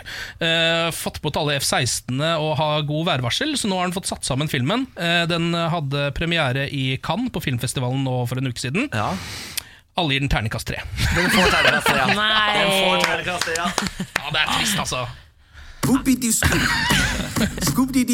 Altså, men uh, har, bruker den uh, deler fra alle opptakene? Altså, Nei, jeg fra- tror, de, jeg tror de har helt nye opptak som de har har begynt det, med nå. ja. Ja. For da mister den jo på en måte litt av sjarmen sin. Hadde Ja. den bare gått Hadde den vært en sånn herre Litt sånn som Boyhood, at den faktisk Ja, hadde bare fulgt. Dette har vi filma i tre forskjellige tidsepoker. Uh, Ja. Se på dette. Ja. Det hadde vært gøy. Det hadde vært litt interessant, faktisk. Det hadde jeg gjort hvis jeg var de. Jeg har et spørsmål til dere, Kom Ken og det. Niklas. Er det greit å gå i bar overkropp på åpen gate? Ja, um... Det kommer helt an på hvor veltrent du er. Eh, Sier jeg Er det ikke korrekt. verre jo mer veltrent Nei, du nei, er? nei, nei, nei. Altså, uh, Dette er jo ikke lov å si, selvfølgelig. Men eh, det er jo mye hyggeligere å se på veltrente mennesker i bar overkropp enn det er å se på f.eks. meg i bar overkropp gående på ja, gata. men det, det er for så vidt Den er jo grei. Eh, Så jeg tenker, eh, hvis du har jobba knallhardt hele vinteren for å ta deg skjorta på sommeren, og det er det du gleder deg til, så skal ikke jeg stå i veien. Men da må du også tåle at jeg ser på deg som om du var en biff som ligger på grillen. Ja, ja men, det, men det spør du om. Nei, uff, det kan man egentlig ikke si. Men, eh, men Du eh, spør du? Aftenposten Du spør jo litt om å bli sett på hvis du går Absolutt. med? Ja. Men uh, Aftenposten har intervjuet eh, Raymond og Christian, to kompiser. De syns det er lov å gå med bar Østfold, det hører du. De syns det er greit. De er fra Østfold. Raymond, hva syns du? da? Jeg syns det er greit, jeg. De syns det er lov å gå med bar overkropp på eh, gaten. Det er jo normalt. Man gjør det i utlandet, så må man kunne gjøre det her også. Sølvi Damhøy 71 år gammel, syns skjorten skal være på når man vandrer eh, gatelangs i sommervarmen. Ja. Jeg er negativ til det og syns det hører hjemme i parker, på stranden og i Syden. Eh, helt enig med Sølvi, jeg, da. Ja, du, du, eh, men jeg har noen regler for gatelangs eh, baris. Det er ikke bare altså hva- i hvilken fysisk form du er, men du skal altså ta på deg skjorten før du går inn i butikk f.eks. Kiosk og lignende. Men det eneste er sånn Det er et eller annet med intimsoner. Er Sånn, hvis jeg går ned og jeg skal handle, og, sånn, og så drikker jeg en smoothie, så får jeg liksom, er det nipple liksom, rett inn i øyet mitt. Når jeg liksom går ned Karl Johan. Jeg er orker ikke det. Nei, jeg vil ikke ha en nipple til smoothie. Men det er et eller annet med intimsoner. Og, sånn, og kjenne liksom en, jeg skjønner, Det er sommer, og jeg skal ikke være så Jeg er litt prippen der. Altså, jeg er litt jeg, prippen jeg, der. kjenner at jeg ble det, jeg nå, når du begynte å bli det. Eh, Men jeg, jeg tenker, jeg syns faktisk det skal være noen praktiske regler her. Altså Over 30 grader, da må det være greit, Fordi da er det altså så varmt. Og det er jo tilfellet mange steder i Norge Ja, nå. Og da er det sånn at Selv jeg, eh, som egentlig ikke vil vise fram så mye av kroppen min, kan finne på å rusle rundt på Karl Johan i baris hvis jeg må det. Selve Ja, hvis Karl Johan, da. Ja, hvis jeg, hvis jeg må på Karl Ja. Johan, så må Jeg- nesten gå i baris. Ja, da, for der er jeg streng igjen. Det du må være sidegata Karl Johan eventuelt. ja, det får være ja. grensen eventuelt. Ja, du får gå ja, der. ja, ja, ja, ja. det er, du kan ikke gå Ja, midt men på Karl Johan. liksom, uansett, det sånn på torget i Trondheim og sånn også. Altså, I Bergen også er det et torg. Du, det, det det blir veldig tett. Det er aldri varmt nok i Trondheim til å gå i baris. så Jo, det er varmt nå. Ja, det er 15 grader, det er trøndervarme. Jeg har bodd her i åtte år, ja, dette kan jeg. Dere, Vi skal ha en tur til frivillig søppelplukking som kan koste deg tusenvis av kroner. Har dere fått med dere saken? Ja. Renovasjonsselskapet Maren har nå hentet eh, dette søppelet som etter hvert lå oppe på bryggekanten eh, nedover på Sørlandet. En gjeng frivillige har eh, vært i vannet, plukka opp søppel, vært flinke. Tatt søppel, søppel, søppel opp av vannet. Vi er, er, hele Norge bryr seg om søppel i vannet for tiden. Ja. Plast og si- Det er jo veldig bra. Ja, ja, kjempebra. Eh, de tok opp en 300-400 kilo, som er kjempebra, Ja. utenfor Mandal. Tok det opp eh, og la det opp på brygga og så, ringte sikkerhetsstedet og sa sånn Nå har vi vært flinke, plukka 300-400 kilo søppel. Kan dere komme og hente det? Nei, vi kan ikke komme og hente Vi har ingen systemer for å komme og hente søppel. Har dere forsøpla i Mandal? Nei, vi har tatt opp søppel fra vannet. Kan dere komme og hente det?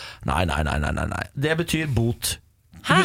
Ja, det nå Jeg har ikke fått med denne saken. Har du ikke fått med denne saken? Nei, de fikk bot. Ja, for de har nå forsøpla. Nei, men tok- ja, de tok søppel opp fra vannet. De har samla en masse søppel og lagt det på land. Og det, eh, det skal man ikke ha noe av i Mandal.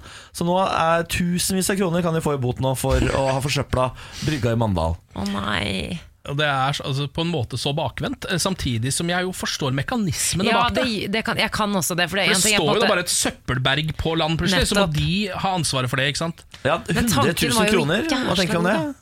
100 000? 100 000, ja. Syns jeg var litt mye. Hvor mange var det, da? Som, eh, nei, det veit jeg ikke. Jeg tror ikke de var så mange. Sånn tre-fire folk, da. Altså, for man kan jo lære av dette, da, men det er så, for nå skremmer du jo alle de andre frivillige. Nå kan du, kan du aldri Ja. plukke søppel igjen. Det er det jeg sier. Man må bare la naturen gå sin gang. For min samvittighet er jo dette helt glimrende. Ja, Nå vet jeg at jeg ikke trenger å ha noe med den søpla å gjøre, for da får jeg bare bot. Du må aldri røre så mye som et uh, tyggispapir på bakken, for da 100 000 kroner, smakk, der satt den. Det, men jeg ser ikke for meg at dere hadde eh, plukket opp til flere hundre kilo med søppel. Oh, nei, nei, nei. No. Er du gal? Det kan, Er du gal? Men pass opp å plukke etter, opp etter dere. Jeg mener det. Ja, Jeg har alltid søppel i lomma, fordi mora mi var gæren på søppel, Det er Så jeg tør aldri å kaste noe. Du har alltid søppel i lomma, du. Ja, jeg tar alltid, alltid lomma sammen. Dette er Morgenbladet igjen. God morgen, god morgen. Vi får veldig snart besøk av Kristine Danke, som skal fortelle oss noe hun vet. God morgen, Kristine. God morgen. Hvordan står det til med deg, da? Du, det står veldig ok til, vil jeg si. Det er godt å høre. Det er veldig varmt. Det er veldig varmt. Men her det er sommerfresk i dag, ser jeg. Ja. Fin kjole. Det er så varmt at selv jeg må finne fram kjolen, og da vet du at det har gått over en grense. Kristine Danke er her for å fortelle oss noe hun vet. Jeg vet faktisk ikke hva hun skal snakke om i dag. Det blir spennende å høre. Morgen på Radio 1. Hverdager fra 6. God morgen og god tirsdag, Samantha Skogran. Hæ? Jeg skulle si god morgen og hei samtidig, så ble det gehei. Gehei, gaha, Eh, gaha til deg også, Kenna Sennes Nilsen. Gehei til deg også, Kristine Danke. God morgen. God morgen. Uh, gehei til deg som hører på Radio 1. Veldig hyggelig at du har skutt oss på. Har vi noen overskrifter før vi hopper inn i Ja, det skal du få, vet du. Østerrike kutter i støtten flyktninger får. Trondheim Frp vil prøve fraværsgrense i ungdomsskolen, og Jakob Oftebro takker for støtten etter ulykken. Er, altså, er det lov å si at jeg er så spent på å se hvordan det der ser ut? Det må være lov å si. Ja, han skal ha fått en, eh, noe brennbart innhold i ansiktet. En Molotov-cocktail har Ja, jeg hørt. Og det høres også ut som hva i steike bacon er det som har skjedd på Ja, det det filmsettet helt, der. helt sinnssykt Ja. ut. Kristine Danke, uh, hei. Hei, hei. Du er uh, altså Norges uh, musikkdronning. Du jobber jo i konkurrenten P3. Stemmer det. Driver, Det siste altså, blitt business queen også. Eh, drevet, driver eget selskap som heter Vrang Produksjon. Altså, eh, driver podkast. Hva er det du ikke driver med? Mm. Matblogging på et visst nivå. Du har ikke blitt manager ennå, så du kan være min manager. Nei, det har jeg ikke blitt. Nei. nei. Det tenker jeg at uh, kanskje Bestevenninnen hennes er jo manager, så du kan bare hoppe over til Silje Ja, det er sant, jeg kan heller gjøre det. Ja. Altså, det er, ja, For et maskineri. Eh, Det er hyggelig å ha deg på besøk. Veldig hyggelig å være på Du skal uh, snakke om uh, Jeg vet faktisk ikke hva du skal snakke om. Skal vi sette i gang? La oss gjøre det. Fortell oss. Fortell oss, fortell oss noe du vet. Yes, Det som er greia, er at uh, nå begynte jo du, eh, Niklas, å ramse opp uh, veldig mye greier som jeg holder på med. Eh, og det som er viktig når man holder på med veldig mye greier, det er jo også å ta det veldig rolig. Veldig, egentlig ganske mye rolig, ta mye pauser. Og jeg har da nylig oppdaget gleden av å ta pause i en hengekøye. Eh, og en hengekøye det er jo noe man kanskje er vant til å se i hager og sånn, men de har dukket opp stadig oftere på Insta og andre steder, disse fargerike greiene som man henger da mellom to trær. Eh, det finnes jo selvfølgelig veldig mange leverandører av hengekøye, men personlig bruker jeg en hengekøye som er formet som en halvmåne, eh, og lukket med en liten glidelås. Eh, og når jeg da går ut i skogen, så finner jeg da et par trær. Det bør være ca. fem meter avstand da mellom disse trærne, pluss minus. Så eh, åpner jeg den lille glidelåsen, og så bare trekker jeg da eh, dette fallskjermstoffet, som det er, ut av den lille halvmånen. Og i løpet av ett minutt så er jeg oppe og henger altså imellom to trær. For det går såpass fort, ja. Det går veldig fort. Så det er jo på en måte sånn eh, for folk som har lyst til å sove ute i naturen, som meg selv f.eks., så er jo dette en oppdagelse eh, av de store. Fordi eh, dere har sikkert prøvd å slå opp et telt. opp Ja, det er et helvete. Skal sies at det har blitt veldig mye enklere. Teltet mitt òg tar ca. fire minutter, men det er fortsatt tre for mye. på en måte. Det, jeg rekker å bli litt dårlig humør, Mm. eh, og det blåser, og det er på en måte helvete å få på plass. Hengekøyen under ett minutt. Den er oppe. Eh, du kan òg henge den hvor som helst. Det trenger ikke å være noe bra bakke eller noe. Så du kan basically ligge i det jeg vil si da, er på en måte tidenes hotellrom. Du kan jo aldri få et hotellrom som er så fint, eh, i hvert fall uts eh, utsiktsmessig, som du får fra en hengekøye. Hvilke kriterier har du for uh, utseendet rundt deg? Skal det være vann? Skal det være fjell? Ja, det er, jeg syns det er veldig deilig at det er vann, men det skyldes jo på en måte ting som da kommer i forlengelsen av hengekøyen, som f.eks. da å skulle lage et deilig lite måltid på primusen, eh, og da er det fint å kunne vaske opp og sånne ting, eventuelt slukke bål og sånn da, når du er ved et vann. Nå må man jo for guds skyld ikke tenne bål, men eh, når det er kaldere ute og det har vært vått og sånn, så kan man jo det. Eh, så jeg foretrekker ved et vann, men eh, jeg er også veldig frista til å prøve liksom, på toppen av et fjell. Tingen er bare at hvis det blåser, så kjører du på en måte karusell hele natten i den hengekøyen, og det er jo ikke så Det høres litt digg ut òg, da. Ja, det er ikke så digg, faktisk. deg, du er jo eh, Altså, du har blitt en ung eh, Cecilie Skog. Nå trenger du jo Ja. bare en eh, tjukkas til å bli med deg på tur. Ja, da, vi har en samboer tjukkas her borte, som kan- ja, Men Ken, du kan jo for all del også få bli med på tur. Jeg har en ekstra hengekøye, selvfølgelig. For det skal jo også sies at jeg er såpass naturinteressert at jeg har dobbelt opp av alt. Eh, fordi jeg kjenner jo ingen som er spesielt interessert i dette. Og det har jeg respekt for. Og det er respekt for Men så det betyr at det å si sånn her Nei, men jeg har ikke Jeg har ikke liggeunderlag, eller sånn, jeg har liksom ikke det. Det er sånn Nei, nei, men det har jeg. Gjestekøye. ja. Men det jeg lurer på sånn, Å henge jeg aldri Jeg tror ikke jeg har hengt sånn ordentlig i hengekøye, i hvert fall ikke sovet. Men jeg ser for meg at det er veldig sånn comfy, for du, du, det er noe som klemmer deg, liksom. i- Kort. Kontra det å ligge i telt. Kort innpå. Var ikke du med i 71 grader nord? Er ikke det hengekøyer over sånn stup, da? Jo, det, men det var en annen sesong. Det var ikke den sesongen. Det Jeg, fikk aldri, sesong? jeg, hadde egentlig, jeg har ikke høydeskrekk, så jeg hadde veldig lyst til å Ah, oppleve det, men fikk farken. ikke opplevd det. Ja, men Er det en evig klem fra hengekøyen? Uh, nei, det vil jeg ikke si, dessverre. Altså, oh, det som på en måte er negativt med hengekøye, er jo at man ikke kan spune sin kjære. Ja, det- Eh, Er det ikke plass til jeg liker to ikke oppi? det. Jo, det er plass til to oppi. Det er jo Her liker du ikke å spune. Nei. Hva er det som foregår? Verken store eller lille? Nei, å nei, nei, nei. nei. Å være lille seg er det beste i Ja, verden. Altså, det blir varmt, det er ikke det, så man kan jo på en måte rulle fra hverandre sånn etter hvert ut på natten. Men når jeg, hvis jeg våkner igjen, da ruller jeg tilbake. Men ok, samme det. Men det er i hvert fall at det er liksom Så når jeg våkner om morgenen, hvis jeg da er med samboeren min, da blir jeg sånn Å nei, hvor er han? Eller sånn, da blir jeg stressa, så da må jeg liksom ut av køyen. Og eh, nå som jeg må da bruke myggnetting utapå køyen, som er en Og det er jo også en slags Det ser ut som en liten sånn installasjon. Dette høres negativt ut. Myggnøtting det Myggnetting utapå køyen. Ja, men har du den ja, ja, du, i fjes?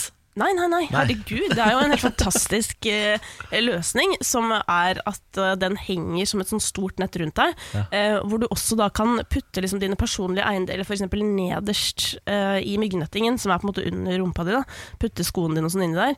Men for å komme ut av køyen da, så er det liksom ikke bare å rulle ut, for da må du liksom til siden, så må du finne åpningen på myggnettingen, og Ja. så må du på en måte krype ut av køyen. Og det må jo jeg gjøre da med en gang jeg våkner, for å si sånn 'hallo, kom og hør alle sammen'. Um, For en men- konklave du har laget ja. men altså, for Men oss vet du hva, det ser nesten ut som sånn derre Ja, Ja. at du vet, sånn derre før det blir til Ja, en sommerfugl. Ja, Liksom. Ja. Det er litt Det sånn heter ikke konklave, kanskje? Heter det? Konklave hørtes jo veldig likt ut som puppe. Da. den... Ja, for jeg tror det er Er det det konkylie? Nei, det er noe annet igjen, det Ja, òg. fader, men pupp er det jeg mente. Ja, Pupp er det jeg ja, mente. ja, ja. Han bare, Niklas er Men bare på bare de avanserte ordene her. For, for, for oss som er eh, litt godt opp i 30-åra, Ja. eh, så har det jo blitt et problem at man ofte må opp på natta for å mige. Ja, Er du men det- blitt så gammel? Men Ja. det tror jeg har med inntaket ditt av kaffe og andre drikkevarer å gjøre. Ja, kanskje. Ja, det, det, kan du, det kan du eksperimentere litt med, Ken. Ja. Fordi Eh, eh, Hvis du legger fra deg det før du legger deg, altså sånn, ikke noe kaffe etter klokka seks og roer litt ned på andre ting Ja. så- hva er det du ikke kan, Kristine? Nei, men bare akkurat dette. Det er, sånn, jeg føler det er så mange som klager over det, men så altså, drikker de kaffe Men la oss si at jeg har inntatt ganske mye kaffe, eh, og så legger jeg meg i den Så legger jeg meg i denne La oss hengekøya. akseptere premisset. Ja. Så ligger vi der i denne hengekøya, det kan godt være hver, hver vår, siden du tross alt er sammen med noen andre. Ja. Um, og så kjenner jeg noe voldsomt press uh, i urinrøret. Ja. Er det mye styr å komme seg ut av den, og inn i den igjen? Ja, Ikke hvis du ikke har myggnettingen, men hvis du har da nettingen utapå, så er det på en måte litt styr. Men det er Ja. ikke mer styr Altså det er jo mer pes å komme seg ut av et telt. Da må du jo krype over den Ja, andre, bra, bra. åpne og liksom Pluss at når du går og legger deg igjen, så er det uchill. For det her er jo viktig å få med når du kommer til hengekøye.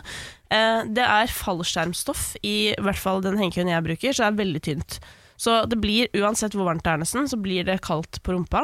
I hvert fall på min rumpe. Så da tar man liggeunderlaget selvfølgelig oppi køyen. Det skaper også litt sånn god sånn derre At ikke du blir liggende med på en måte skuldrene mot hverandre i køya. Ja. Du får liksom ligge Litt flatt. plass, eh, og så er det altså så mjukt å ligge der at det er nesten som å ligge oppi din egen seng. Nei, vi skal ut, dere. Vi skal ut. Vi skal teste. Må ha. Ja, jeg, må, fa- det, jeg har aldri hørt et bedre innsalg på senger hengekøye i hele mitt liv. Nei, så bra. Eh, Kristine Tanke, Kan også brukes på balkong, f.eks. Eh, ja, men da må du ha hengekøyestativ, da. Det du skal jeg kommer til å bli hele hengekøyens mor, det er jeg sikker på. Kristine Tusen takk tusen takk for besøket. Bare hyggelig. Takk for at jeg fikk komme. Morgen på Radio 1. Hverdager fra seks. Og så har han kommet på arbeid. Pernille! God morgen. God morgen.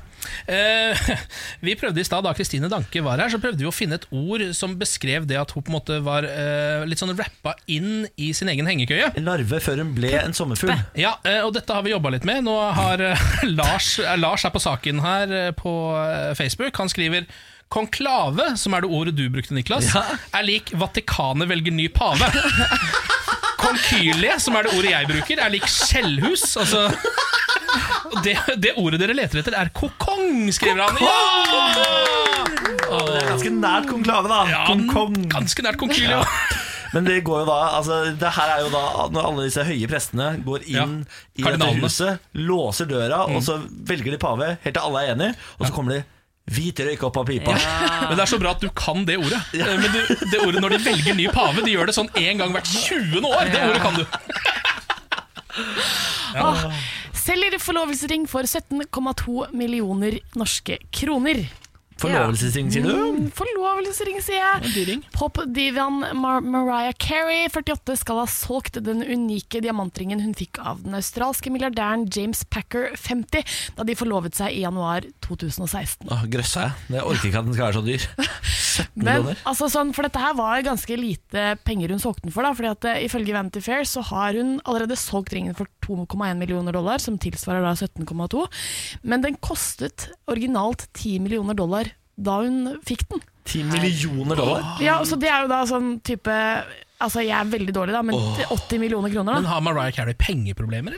Eh, Ja, fordi de, de spekulerer her i om bruddet mellom James Packer og Mariah Carey, for det er jo det som har skjedd at de har slått opp, og hun selger ringen. Det spekuleres i om de slo opp pga. hennes sånn, helt sånn vanvittige sløsing med penger, og pga. Eh, reality-programmet Mariah's World. En av de få reality-programmene jeg ikke har sett. Ja. Og det må jeg, nå, nå må jeg hjem og se på Mariah's World, og det er litt slitsomt. Jeg har bare hørt at hun ligger på en sånn sjeselong og bare Åh, deilig sang. Er ikke den god? Touch Ja. my body. Det er Mariah Carey, da. Jeg Ja, har bare ja, sagt ja, det. ja, ja. Men hvordan ligger, altså bare ligger hun der og er den ekte divaen hun er? Ja, men Hun er jo så diva, og jeg mener jo at eh, ja, selvfølgelig All I Want for Christmas Is You er jo på en måte en slags eh, helt egen julesang. eh, Som en, den står fram som et prakteksempel på en eh, julesang.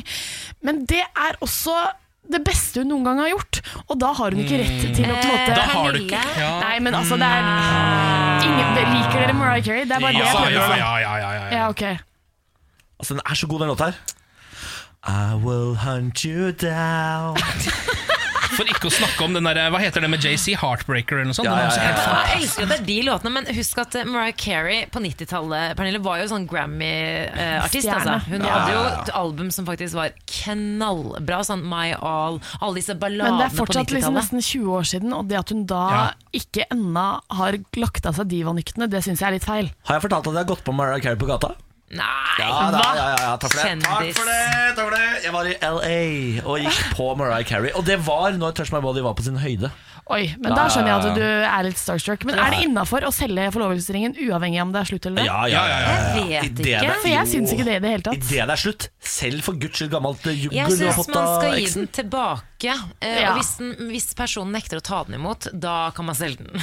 Ja, ja, man må først prøve å gi den Ja. tilbake. Ja, ja, det er helt enig Jeg føler at det er veldig sånn Sex and the City-scenario når Samantha får den der sommer, ja. eller den eh, eh, blomsterringen. Det er kanskje litt snev referanse for gutta i rommet, Ja, men det tar den ikke. eh, tar den. blomsterringen og bare Det er en, da en dame som Ja, fordi det er en dame som eh, blir bare forlatt av mannen sin, så hun har en sånn public auksjon for alle smykkene som han noen gang fikk. Da. Ja, det syns jeg er fint. fikk. Liker jeg godt. Skal vi ta en, eh, en liten runde inn på Twitter? Det her er en sak om eh, Systembolaget eh, i Sverige. En kverulant på Twitter utfordra svenske Systembolaget på ID-reglene. Da var det gjort. Systembolaget er da Vinmonopolet i Sverige. Sveriges vinmonopol. Det stemmer. Eh, og det her, her er spørsmålet fra en Twitter-bruker. Om noen kommer inn i butikken med heldekkende klær, og så står det burka i parentes, og skal handle sprit, vin, øl, krever det da at hen viser ansiktet sitt så det stemmer overens med ID? Identifikasjon. Takk for svar, ikke sant? Um, og så svarer da Systembolaget Hei, dette er i prinsippet aldri et problem i våre butikker, ettersom mennesker i burka, nikab ikke har for vane å konsumere alkohol. Ah, gøy svar. og så videre, og så videre. Men det som skjer, er at uh, svenske Twitter-brukere syns dette er så gøy, denne kveruleringa her, at de kaster seg på. Så neste melding er da Uh, Unnskyld at jeg hopper inn i tråden på denne måten, men hvordan gjør dere med astronauter? Hvis de har på seg romdrakt, sjekker dere legg da? Og så kommer den inn her. Hva gjør dere om noen i ridderrustning vil handle? Det fantes jo ingen ID på middelalderen. Holder du visse skjoldmerke? Og så er den her. Min polare Yoko er sånn, det er ninja, og jeg tykker om å ta seg et glass sake etter treningen iblant. Selger ni sånt, og måste hun ta av seg ninjadrakten for å Kan jeg si noe veldig veldig gøy? Eh, For Dette fikk meg til å tenke på en venninne jeg har som kledde seg ut som bestemoren sin, eh, og satte seg på sånn derre moped... eh, Rullestol, holdt jeg på å si. Er Hun satte seg på den, sånn. og så, og så kledde hun seg ut som bestemoren sin. Bare ble, malte seg bare grå i trynet, og så fikk hun den som kjøpte øl. Til seg og vinne. Er det. Var denne personen? Hun var 15. Nei, det er for Eller voldsomt! 14. Det er veldig gøy, da. Det er for voldsomt! Jeg orker det ikke! Det er Det kjempegøy. Ja, men det er det lureste. Altså, Ikke prøv å jobbe deg opp liksom 10 år, jobb deg opp 70 år. Da får du Ja. Ah, det elsker jeg. Morgen på Radio 1. Lakris, alt de sier. Ja, Nå har vi snakket om lakris mellom slagene, og da er det vanskelig å ikke ytre lakris når mikrofonene kommer på. Vi er såpass glad i lakris i denne redaksjonen at uh, alt Det kan jeg informere om at alt jeg finner i lakrissmak, snapper jeg eh, til alle på jobb. Mm. Bare sånn at de skal vite at det finnes der ute. Fordi lakris er en så undervurdert smak, uansett hva det måtte være. Ja. Du og Ken og produsent Kristin har en egen lakrisklubb, faktisk. Det stemmer. Ja, jeg er glad i lakris, men jeg tør aldri uttale meg om det her i studio, for det det er ikke på deres nivå. Nei. Jeg er glad i det, Nei. men jeg, jeg elsker det ikke sånn som dere. Ja, nei, Jeg har altså et så kjært forhold til lakris. Jeg kan spise det til jeg blir så dårlig i magen at eh, jeg er, jeg er Man- ikke fornøyd før jeg er ordentlig dårlig i magen. Ja, for man blir ordentlig dårlig i magen Ja, ja, ja. Altså, det er helt forferdelig er for magen. Ja, ja, Det er ja, ja, gift. Det er ikke sunt. Eh, Vi tar en kikk på overskriftene akkurat nå. Eh, Østerrike kutter i støtte til flyktninger. Unnskyld meg, jeg var å le. Hva er det du le? Ikke le nå. Frykter bær ødelegges i den norske varmen. Jeg bare føler at vi har det litt bra her i Norge.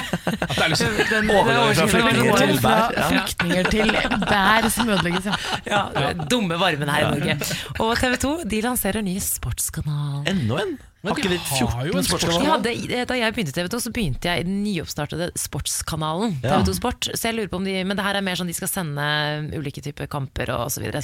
Litt mer sånn Hva sender de på den vanlige sportskanalen? Er det bare nyheter? Nei, det var det da jeg jobbet med det. Da var det nyhetssendinger hele tiden og gjester og masse ting. Nå mm. skal de bare sende sport. Og er det nok sportsnyheter til å holde en hel sportskanal? Ja, det var jo ikke det, da, for det holdt jo ikke så lenge. Nei, for den er borte, ja. Nei, jeg vet Nei, ikke. den det TV2? Sportskanalen fins Den ennå. fins jo, men de, de viser reruns av gamle kamper og, og aktuelle kamper når det er. Jeg må avbryte litt, er, det er jo på tide med min, mitt segment Ukas bekymring. Eh, Fordi som en slags gallionsfigur for oss millennials, så er jeg en bekymra og nevrotisk eh, person. Som, eh, som på en måte tar sorgene på forskudd i alle situasjoner. Dette det bekymringen jeg skal komme med nå, kommer dere sikkert til å høre om ganske mange flere ganger.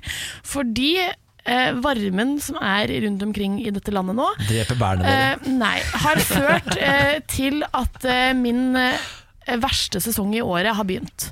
Eh, fordi jeg er livredd for frosker. Nei, det orker jeg ikke. Det er uten, å, uten å kødde, så er det altså sånn Noen har slanger, noen har edderkopper, noen har har sånne ting. Jeg har frosker, så jeg er sånn livende redd, og jeg kødder ikke. Denne, denne frykten er så reell at jeg begynner å hyperventilere og hylgråte. Så jeg er skikkelig, skikkelig skikkelig redd. Og grunnen til at jeg er så redd, jeg vet akkurat når det skjedde. Fordi vi har utedo på hytta, og ett år så fikk jeg for meg at jeg ikke turte å gå på doen pga. at jeg var redd for at en frosk skulle komme på do.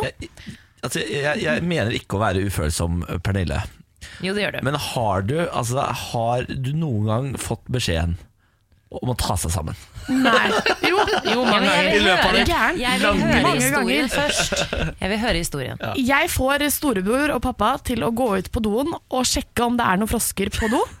Og så kommer jeg bak de etter at de har sjekka, og så hopper det en frosk over gulvet. Og da, etter det, så har jeg vært altså så redd, og du må aldri glemme at noen av de giftigste eh, dyrene i hele verden er padder og frosker.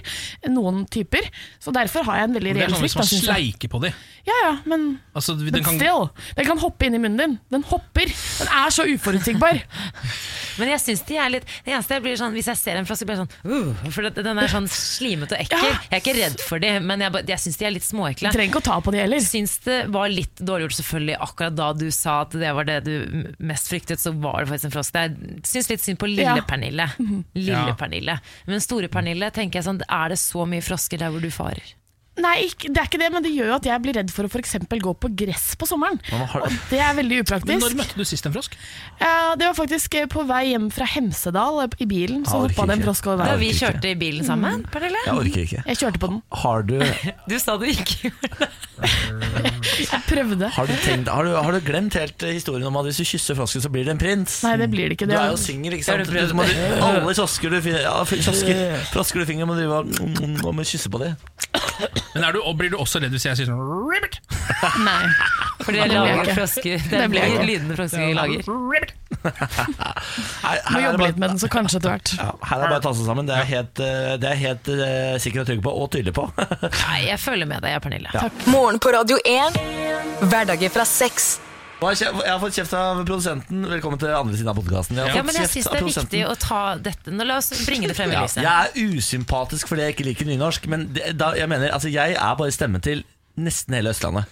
Ja, Ja, du ja. må bare ikke ta det for langt, på en måte. Men jeg jeg, du, må, du har jo rett til å mene det. Ja, jeg, men, altså, jeg sier at folk må gjerne skrive nynorsk, de må veldig gjerne prate sin flotte dialekt. Jeg elsker å høre på dialekter. Ja, for, men Men- syns du det er fint? Ja, ja.